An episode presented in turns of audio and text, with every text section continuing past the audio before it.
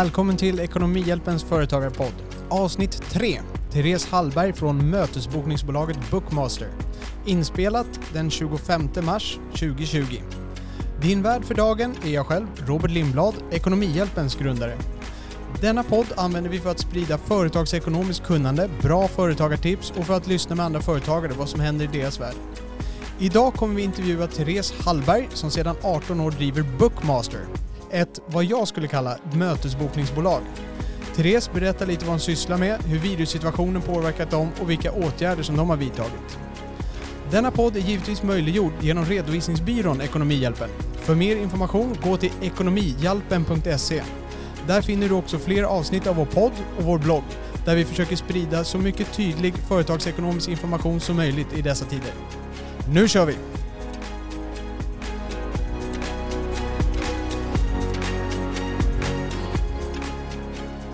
Då säger vi välkommen till Therese Hallberg. Tack så mycket. Bookmaster.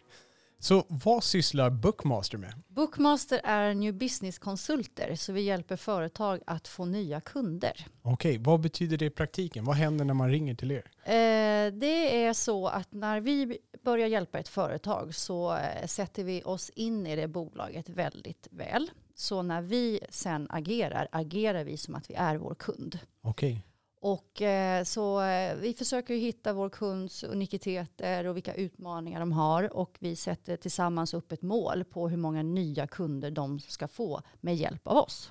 och agera, vad är det ni gör Mm. åt kunden rent praktiskt? Vi sätter upp fysiska möten. Okej, Eh, Så vi är som en professional matchmaker kan man säga. Vår kund vill eller behöver oftast träffa sin nya potentiella kund för att förklara varför de tror att de kan hjälpa dem på ett eller annat sätt. Okej, så att ni, ni sätter in i kunden eh, så att ni kan agera å kundens vägnar och sen så ser ni till att boka ett möte med potentiella kunder. Ja, Hur, hur gör ni för att boka de här mötena?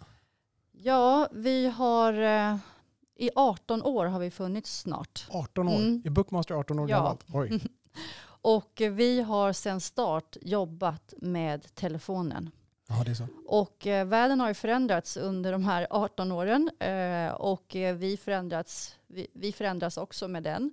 Men vi har hittills idag inte hittat något som kan slå faktiskt möjligheten med att eh, prata med en person och där kunna övertyga den att eh, den bör träffa oss, alltså vår kund.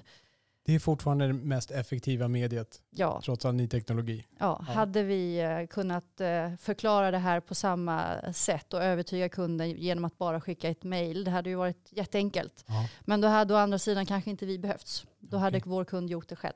Och det, det är det här ni har gjort. Jag förstår att eh, arbetsrutiner har ändrats under de här 18 åren, men det är det ni har gjort i 18 år i en form eller annan. Ja. Från början var det du ensam som började med det här. ja, det var det. För jag har jobbat med försäljning sedan eh, jag började jobba egentligen. Och eh, jag var försäljningschef på ett företag eh, runt millennieskiftet, så det är ju Ja. länge sedan nu. Men då hade jag det här behovet, att jag behövde få mina säljare att komma ut mer än vad jag lyckades få dem att göra av egen kraft. Okej. Och då var jag faktiskt runt och letade efter någon som då kunde hjälpa oss att ta här, den här första kontakten och boka ett möte med våra potentiella kunder. Och jag hittade inte riktigt någon som jag kände att jag kunde lita på, att eh, lägga mitt varumärke i deras händer. Och eh, då fick jag helt enkelt idén att varför inte starta ett sådant bolag och hjälpa andra bolag med det som jag egentligen då själv såg att jag behövde hjälp med. Och när började du anställa då? När började ni växa på den bredden? Alltså det var ganska snart jag eh, vågade ta det steget. Jag tror det var ungefär efter ett halvår.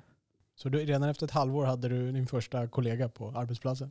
Ja, först tog jag faktiskt in en kompis som skulle hjälpa mig lite när hon hade möjlighet. Men hon eh, sa från början att hon ville ju inte bli anställd. Hon ville bara jobba lite som konsult ett tag. Eh, och sen eh, så kände jag nu vågar jag ta steget och anställa. Och då anställde jag två stycken samtidigt så att vi mer blir som en, ett företag. Och eh, sen har vi vuxit sakta men säkert. Hur många är ni idag? Just idag så är vi åtta personer. Ah, Okej, om, jag, om jag då skulle ställa frågan hur många var ni för en månad sedan?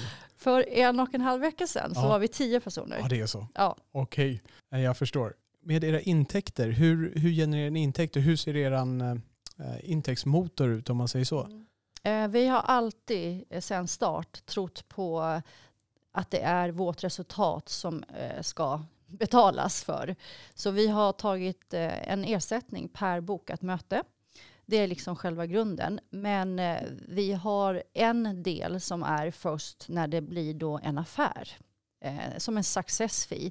Så vi har ju precis samma mål som vår kund, att det ska bli en affär i slutändan, inte bara en massa möten. Och sen har vi en, en, en enda fast ersättning och det är vid uppstartsskedet. För vi, vi gör bland annat en heldags workshop för att vi behöver ju verkligen sätta oss in i vår kund. Men det är den enda fasta ersättning vi tar. Sen är det resultatbaserat. Så vi är ju såklart helt beroende på att vi ska lyckas göra det vi ska göra. För annars så får vi inte betalt. Så det blir inbyggt i ert system att få era kunder att lyckas liksom genom med er hjälp. Ja. Att annars kommer ni inte tjäna pengar. Och lyckas kunden bra så lyckas ni bra. Exakt. Vilket ju blir en väldigt bra morot kan jag tänka mig. Ja, och det blir verkligen att vi är som ett team med vår kund. Vi har ingen annan agenda utan det är vår kunds slutmål som är liksom vårt gemensamma mål. Uh, och det, det är väldigt kul att jobba på det sättet. Man blir som en del av vår kund. Och vi jobbar i snitt fem och ett halvt år med våra kunder. Om man tittar på omsättningen, hur stora är ni där? Vad hade ni 2019 till exempel i årsredovisningen? Ja, vi försökte ju växa lite under 2019 och eh, kom ju inte riktigt dit som vi ville. Jag vågar inte riktigt säga vad vi hamnar på nu, men runt 6 miljoner. Och då är det inte så mycket, utöver, då är personalen en stor kostnad kan jag tänka mig, lokalhyra och sen möjligtvis telefonisystem och abonnemang då? Alltså tekniken är ganska eh, avancerad som vi jobbar med. För just det här att vi ringer, men vi har ju ett, ett, extremt avancerat bokningssystem. Och det har ju vi utvecklat väldigt mycket tillsammans med vår leverantör eh, som heter S2 som är ett svenskt bolag. Så vi kan liksom be dem att utveckla specifika lösningar just för oss. Och eh, där har vi bland annat utvecklat under förra året eh, lite sådana saker det gör ju att vi kan göra vårt jobb ännu bättre. Men det är också en investering vi hela tiden gör när vi jobbar med våra tekniska lösningar. Innan den här äh, krisen nu började rulla ut, hur mycket buffert hade ni? Det här är ju lätt att vara efterklok, men vad hade ni haft för tankegångar innan? Hur mycket buffert hade ni när det här skedde? Ja, eftersom vi äh, hade en plan äh, att vi skulle växa så hade vi ju gjort vissa satsningar just för att växa. Eh, det tar ju såklart av bufferten. Så eh, tittar man eh, på vår plan som den är nu så har vi ju varit tvungna att dra lite i handbromsen såklart. Jag är väl glad att vi i alla fall hade lite buffert nu. Eh, för vi har haft en bra start av året. Men vi klarar ju oss inte jättelänge precis om vi inte skulle lyckas med vårt jobb. Vad skedde när det här började rulla ut nu för ett par veckor sedan på riktigt allvar? Det man kan säga är att vår verksamhet går ut på att boka fysiska möten. Ja, aj, aj, aj, bara där börjar det svida. Precis. Men eh, det var, det var lite jobbigt för, låt säga två veckor sedan eller någonting när jag förstod vad, vad det var som höll på att hända. Men eh, då gäller det ju att hitta en plan. Vad gör vi nu? Eh, vad kan vara worst case scenario. Ja. Eh, så jag gjorde en krisplan för min egen del. Och sen så gjorde vi en krisplan tillsammans då för, för företaget ihop med personalen. Okej, så du gjorde en krisplan för egen del och en för företaget. Vad, vad innebär det? Är det för din egna personliga del? Nej, jag kanske sa fel där, eh, uttryckte mig fel. Jag menar att jag själv gjorde en krisplan för ah, företaget. Okay. Okay. Men eh, sen tycker jag att det är väldigt viktigt att de anställda ska vara med i att göra en krisplan. Ah. Så då gjorde vi en gemensamt. Men eh, det var mer eller mindre samma sak det blev faktiskt. Ja. Så, men alla har nu varit med om i det här arbetet. Mm. Och såklart få uttrycka vad man är orolig för, eh, vad som kan hända. Ja. Så, så, vad hände egentligen? För några veckor sedan då blev det så att alla era kunder började säga att nu vill, vi vill inte ha den här tjänsten längre, vi vill inte boka några möten nu. Alltså det var ju det jag var rädd för, ja. att alla skulle direkt bara höra av sig och säga pausa. Mm. För det kan man göra. Mm. Vi har alltid varit väldigt öppna med det. Att vi ska jobba, våra kunder ska jobba med oss för att de har behovet, för att de tycker att det fungerar bra. Vi binder inte upp vår kund på en viss tid eller en viss volym. Eh, och det är ju en flexibilitet som är positiv för vår kund.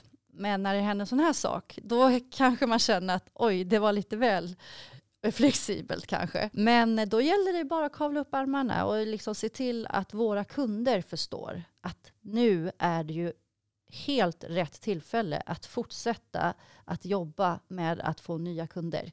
För gör man inte det nu, nej men då kommer man ju inte kanske överleva det här som vi är med i.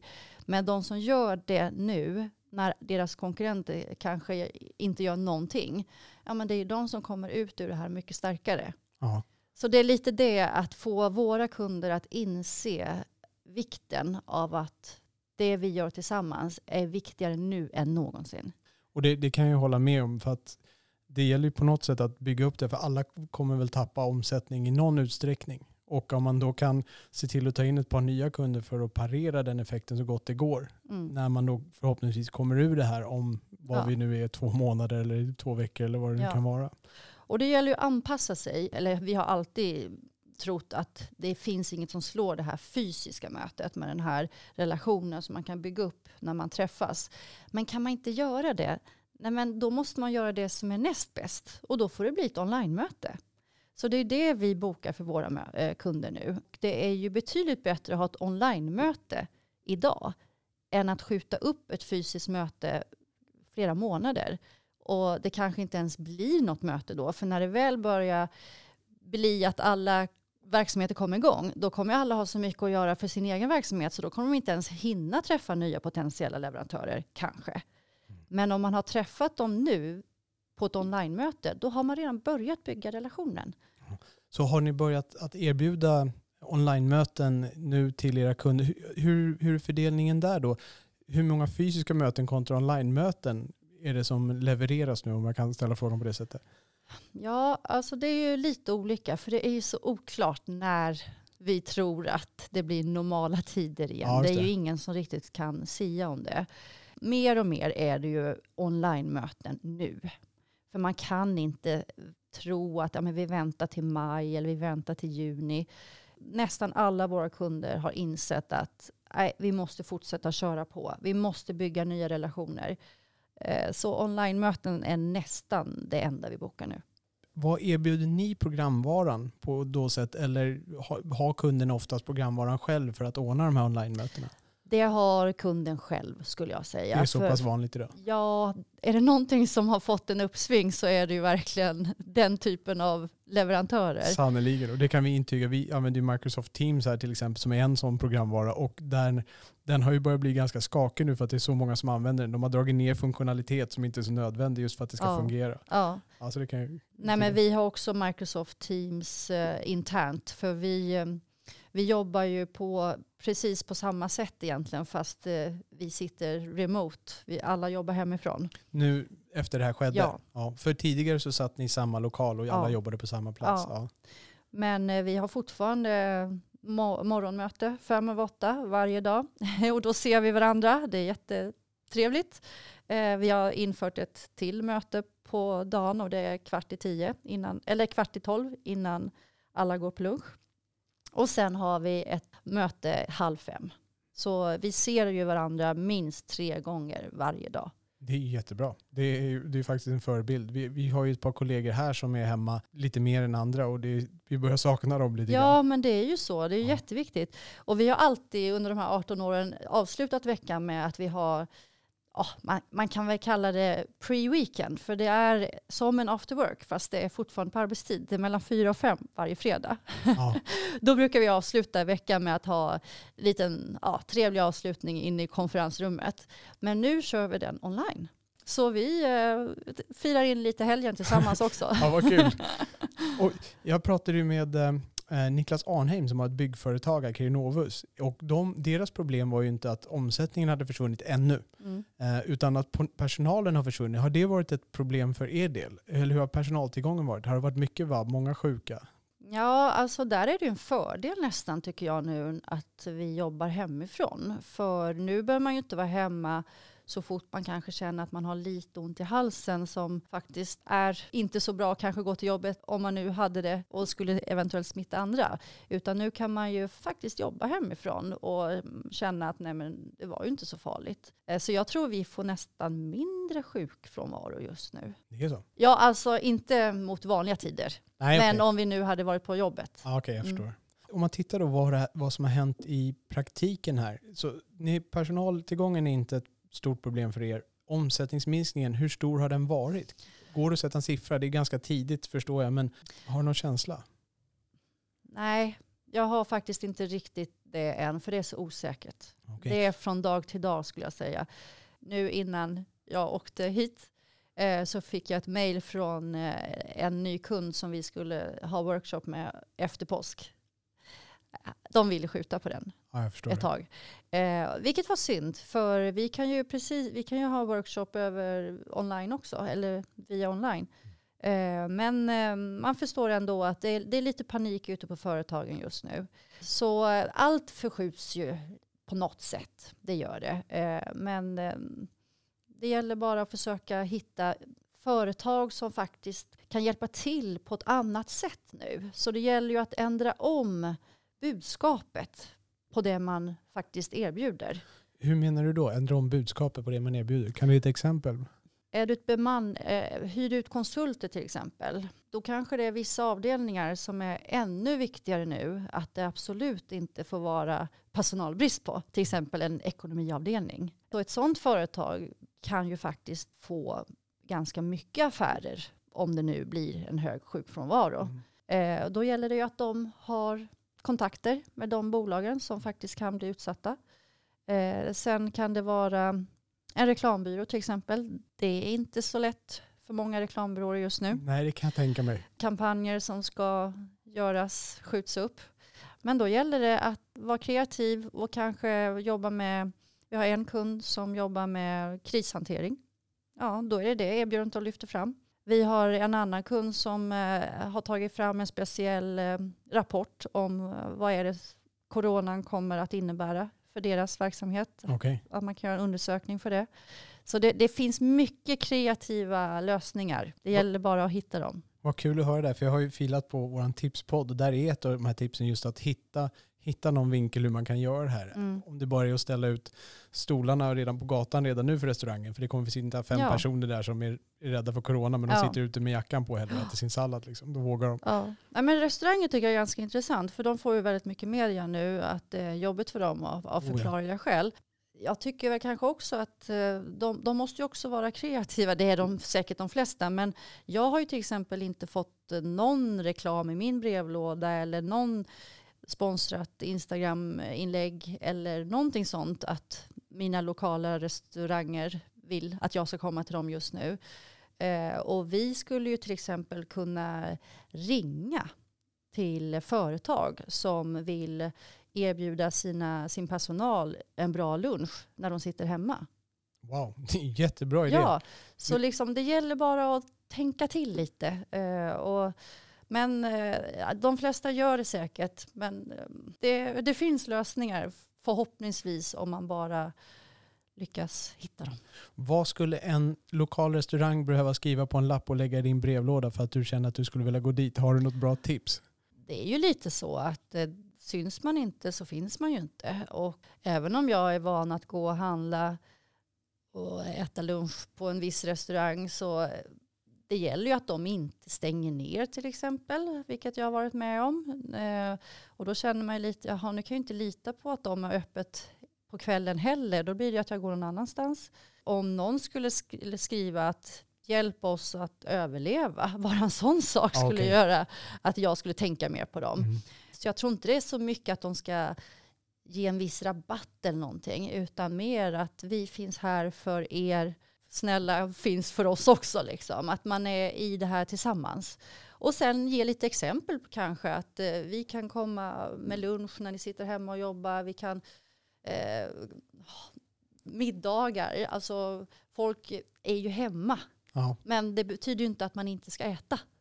precis. Så ät någonting gott. Ja, men jättebra. Det hoppas att det finns restauranger som hörsammar där. För att det, det finns mycket att göra i de här tiderna. Man behöver vara lite finurlig. Vi kanske inte har alla idéer här, Nej. men det går ju alltid att hitta lösningar Mm. utifrån sin vinkel. Eh, hur har er likviditet drabbats? För det, det är ju det andra. Ni har resultatet, där sjunker er omsättning.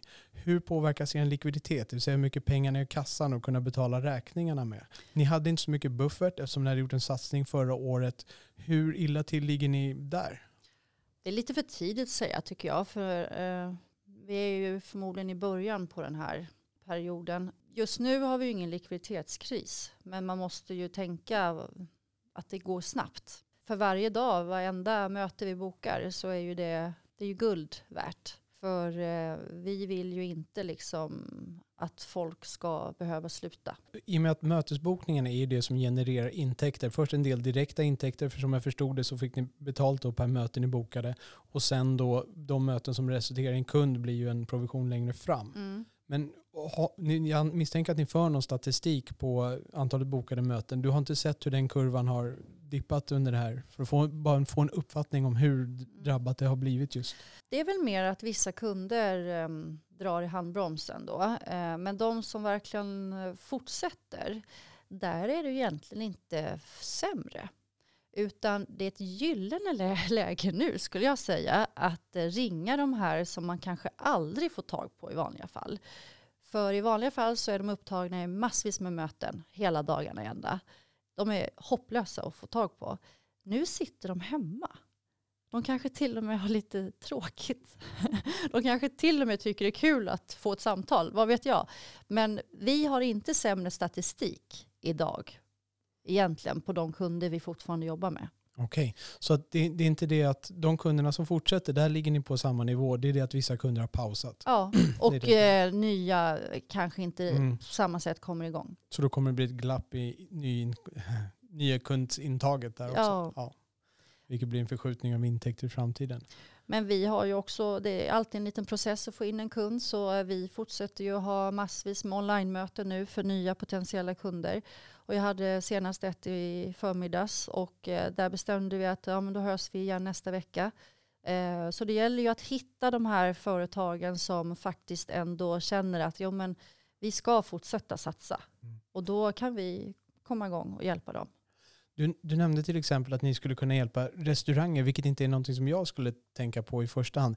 Är det någon bransch du känner så här som kanske normalt inte skulle titta på en sån här tjänst som ni erbjuder, men som kanske de här tiderna skulle kunna dra lite extra nytta? Finns, finns det någon sån bransch som kanske borde fundera på er som inte normalt kikar på sådana här Ja. tjänster?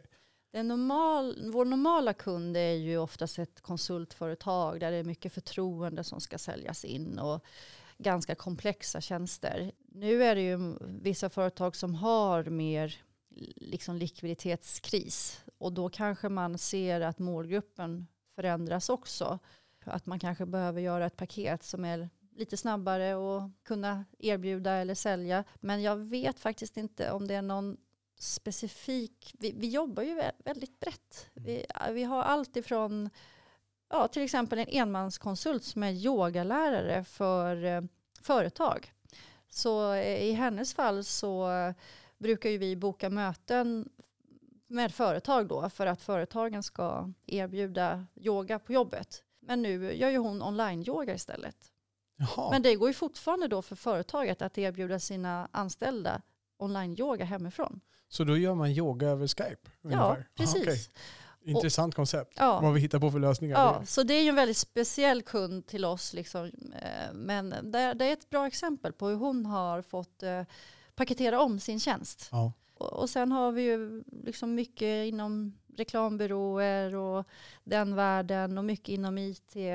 Bemanningsbolagen, det gäller ju att prata på ett annat sätt nu än när, än vad vi pratade för ett, en månad sedan. Du nämnde det här om likviditet och bygga snabba paket. Förstår jag det rätt om du menade att det kanske är så att ni nästan säljer in paketet från er del så att de nästan har en färdig affär när det kommer? Att, att ni går Ja. ner lite i, i alltså skala, eller vad man ska säga, går ner lite i komplexitet och nästan säljer deras Precis. produkt över Ja. telefon? Vi har något sånt uppdrag faktiskt som Ja. vi håller på med nu. Eh, och de har ju tagit fram det just för att det är den här situationen. Och då har vi sett att då kan vi faktiskt eh, sälja det direkt. Mm. Och det brukar vi inte göra i- i vanliga fall. Men eh, här såg vi att det är så aktuellt ämne som de pratar om. Så vi tror att det kommer att funka väldigt bra. Det är jätteintressant och där har ju till exempel på hur ni har hittat på en finurlig lösning eh, kring de här Mm. tiderna, vad man kan lösa.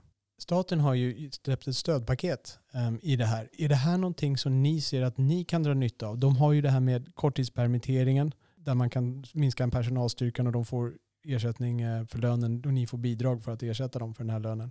Eh, de har det här att man kan skjuta skatten på framtiden och sen då att de tar över sjuklöneansvaret Mm. för dag 2 till 14 från och med första april. Så det gäller inte ännu, men från och med Mm. april. Är det här någonting du känner som hjälper er i er situation? Absolut. Jag, jag, blev ganska, jag blev mycket mer trygg när jag hörde det här. Eh, bland annat det här med sjuklönerna. Det är ju väldigt kostsamt för ett litet företag. Och om det nu blir så att många blir sjuka så eh, underlättar ju det jättemycket. Skatt eh, och arbetsgivaravgift, att man kan skjuta upp det. Det är ju också väldigt bra hjälp. Sen permitteringen, det är ju väldigt många företag som gör det nu. Vi, vi får se helt enkelt vad som händer framöver om vi behöver göra det. Men det är väldigt skönt tycker jag att den möjligheten finns. Men det är ingenting som ni planerar att utnyttja just nu, förstår jag det rätt? Sådana här beslut är lite svåra att ta från den ena, alltså det är lite beroende på vad som händer Ja. från den ena veckan till den andra känner jag, eller från den ena dagen nästan till den andra. Men ni har inte aktiverat det ännu, för man, man kunde ha gjort det från 16 mars. Så det är Ja. ingenting ni har tagit fram och skrivit under ännu, Nej. utan ni avvaktar i nuläget i Ja. alla fall. Ja. För just nu så har vi ju, vi, vi, vi kämpar ju på. Ni har likviditet, ni har tillräcklig omsättning för att jobba med full personalstyrka än så länge. Mm. Det var jätteskönt att höra. Vi, har ju, det, vi hade ju en person som var fa, eh, provanställd, Mm. så den vågade vi inte ha kvar. Ja, jag förstår. Och du sa att ni var tio, och då Mm. är det en person till som ni har sagt upp då? Nej, den, eh, den var naturlig avgång. Ah, Okej, det var Så, naturlig ja. avgång. Så den har egentligen inte med det här att göra. Har ni tittat på era kostnader någonting för att se vad ni kan minska där? Det är klart vi har. Eh, Jag tycker det är lite, lite svårt faktiskt det här. Eh, Vi har ju till exempel en städfirma Mm. såklart som kommer till oss. Men nu är vi ju inte på kontoret. Jag är på kontoret för jag bor väldigt nära så jag kan gå dit. Men jag är själv. Jag behöver ju inte städning två dagar i veckan. Jag behöver egentligen inte städning någonting nu för det kan jag göra själv i så fall. Men jag kände ändå jag kan inte bara dra ner och pausa. Då får ju inte de något jobb. Så jag har halverat så vi har en dag i veckan. Okej. Eh, och det känns lyxigt eftersom jag är där själv. Mm. Men eh, där känner jag, nej, jag kan inte vara så självisk. Jag måste tänka på den städfirman. Vi, vi har haft dem i 18 år. Vi, jag känner liksom lite solidaritet med dem. Det, det applåderar jag. Det, det är jättekul att höra. Och det, jag har ganska många exempel på företagare som faktiskt sträcker ut en hand. Vi hade växtvård finns det en firma till exempel. Det var ett hotell då där de sköter alla växter och sådär. De, de bjöd på eh, de här månaderna. Liksom. Vi kommer ut och gör det här gratis. Eh, för hotellet hade det så pass svårt. Och jag har många sådana exempel på Mm. företagare som hjälper varandra. Mm. Eh, hyresvärdar som minskar hyran. Ja. Eh, leasingbolag, jag tror så kredit, eh, sköt fram leasingavgifterna för de här månaderna för, för en Mm. företagare som har bilar där och så. Mm. Eh, Jättekul att höra. Nej, så eh, just det här med hyran hade ju varit en väldigt trevlig gest om vår hyresvärd hade gjort någonting. Är det någonting ni planerar att kanske ta kontakt med dem och försöka se om ni kan Ja, hjälp? alltså jag hade ju hoppats att de skulle förekomma mig. Ja, För det hade varit eh, ännu trevligare gest. vi kanske kan mejla den här podden till dem så kanske de får en Precis. liten hint. Ja. Men snart är det dags för att betala den där fakturan. Och ja, jag kommer att höra av mig till dem. Är det någonting annat ni har tittat på på kostnaderna som ni kan ha skurit? Ni har minskat städningen, ni ska lyssna med hyresvärden. Någonting annat ni har tittat på eller funderat att titta på?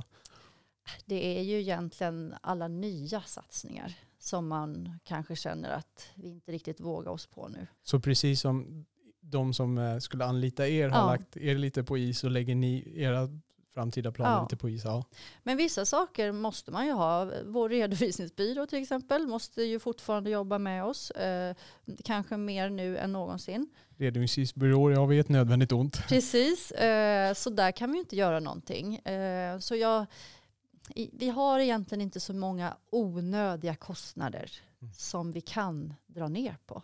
Vilket är ett gott tecken också, för då har ni ju en ganska bra trimmad ekonomi troligen. Mm, ja. Nej, men bra. Jag tror jag har fått en ganska bra bild. Är det någonting du känner som, som du skulle vilja prata om i det här? Är det någonting i de här stödpaketen du funderar på eller någon annan fundering kring hela situationen som du har? Nej, det är det väl egentligen inte. Jag tycker jag har fått, eh, jag har hängt med ganska mycket i alla de här stödpaketen som har kommit nu. Eh, och det kommer ju kanske nytt även idag hörde jag nu på eh, nyheterna. Man får hoppas att det som kommer, att det verkligen hjälper till. Att, att det inte bara låter bra, utan att det blir enkelt för oss företagare att faktiskt få ta del av dem. Det här med banklånet som lovades. Eh, jag tänkte, ja men varför inte kolla hur det funkar? Så jag tog kontakt med banken. Jag tror det tog fyra eller fem dagar innan de återkom och då var det ett mejl där de bad mig att skicka in en massa saker som inte jag har hunnit nu då.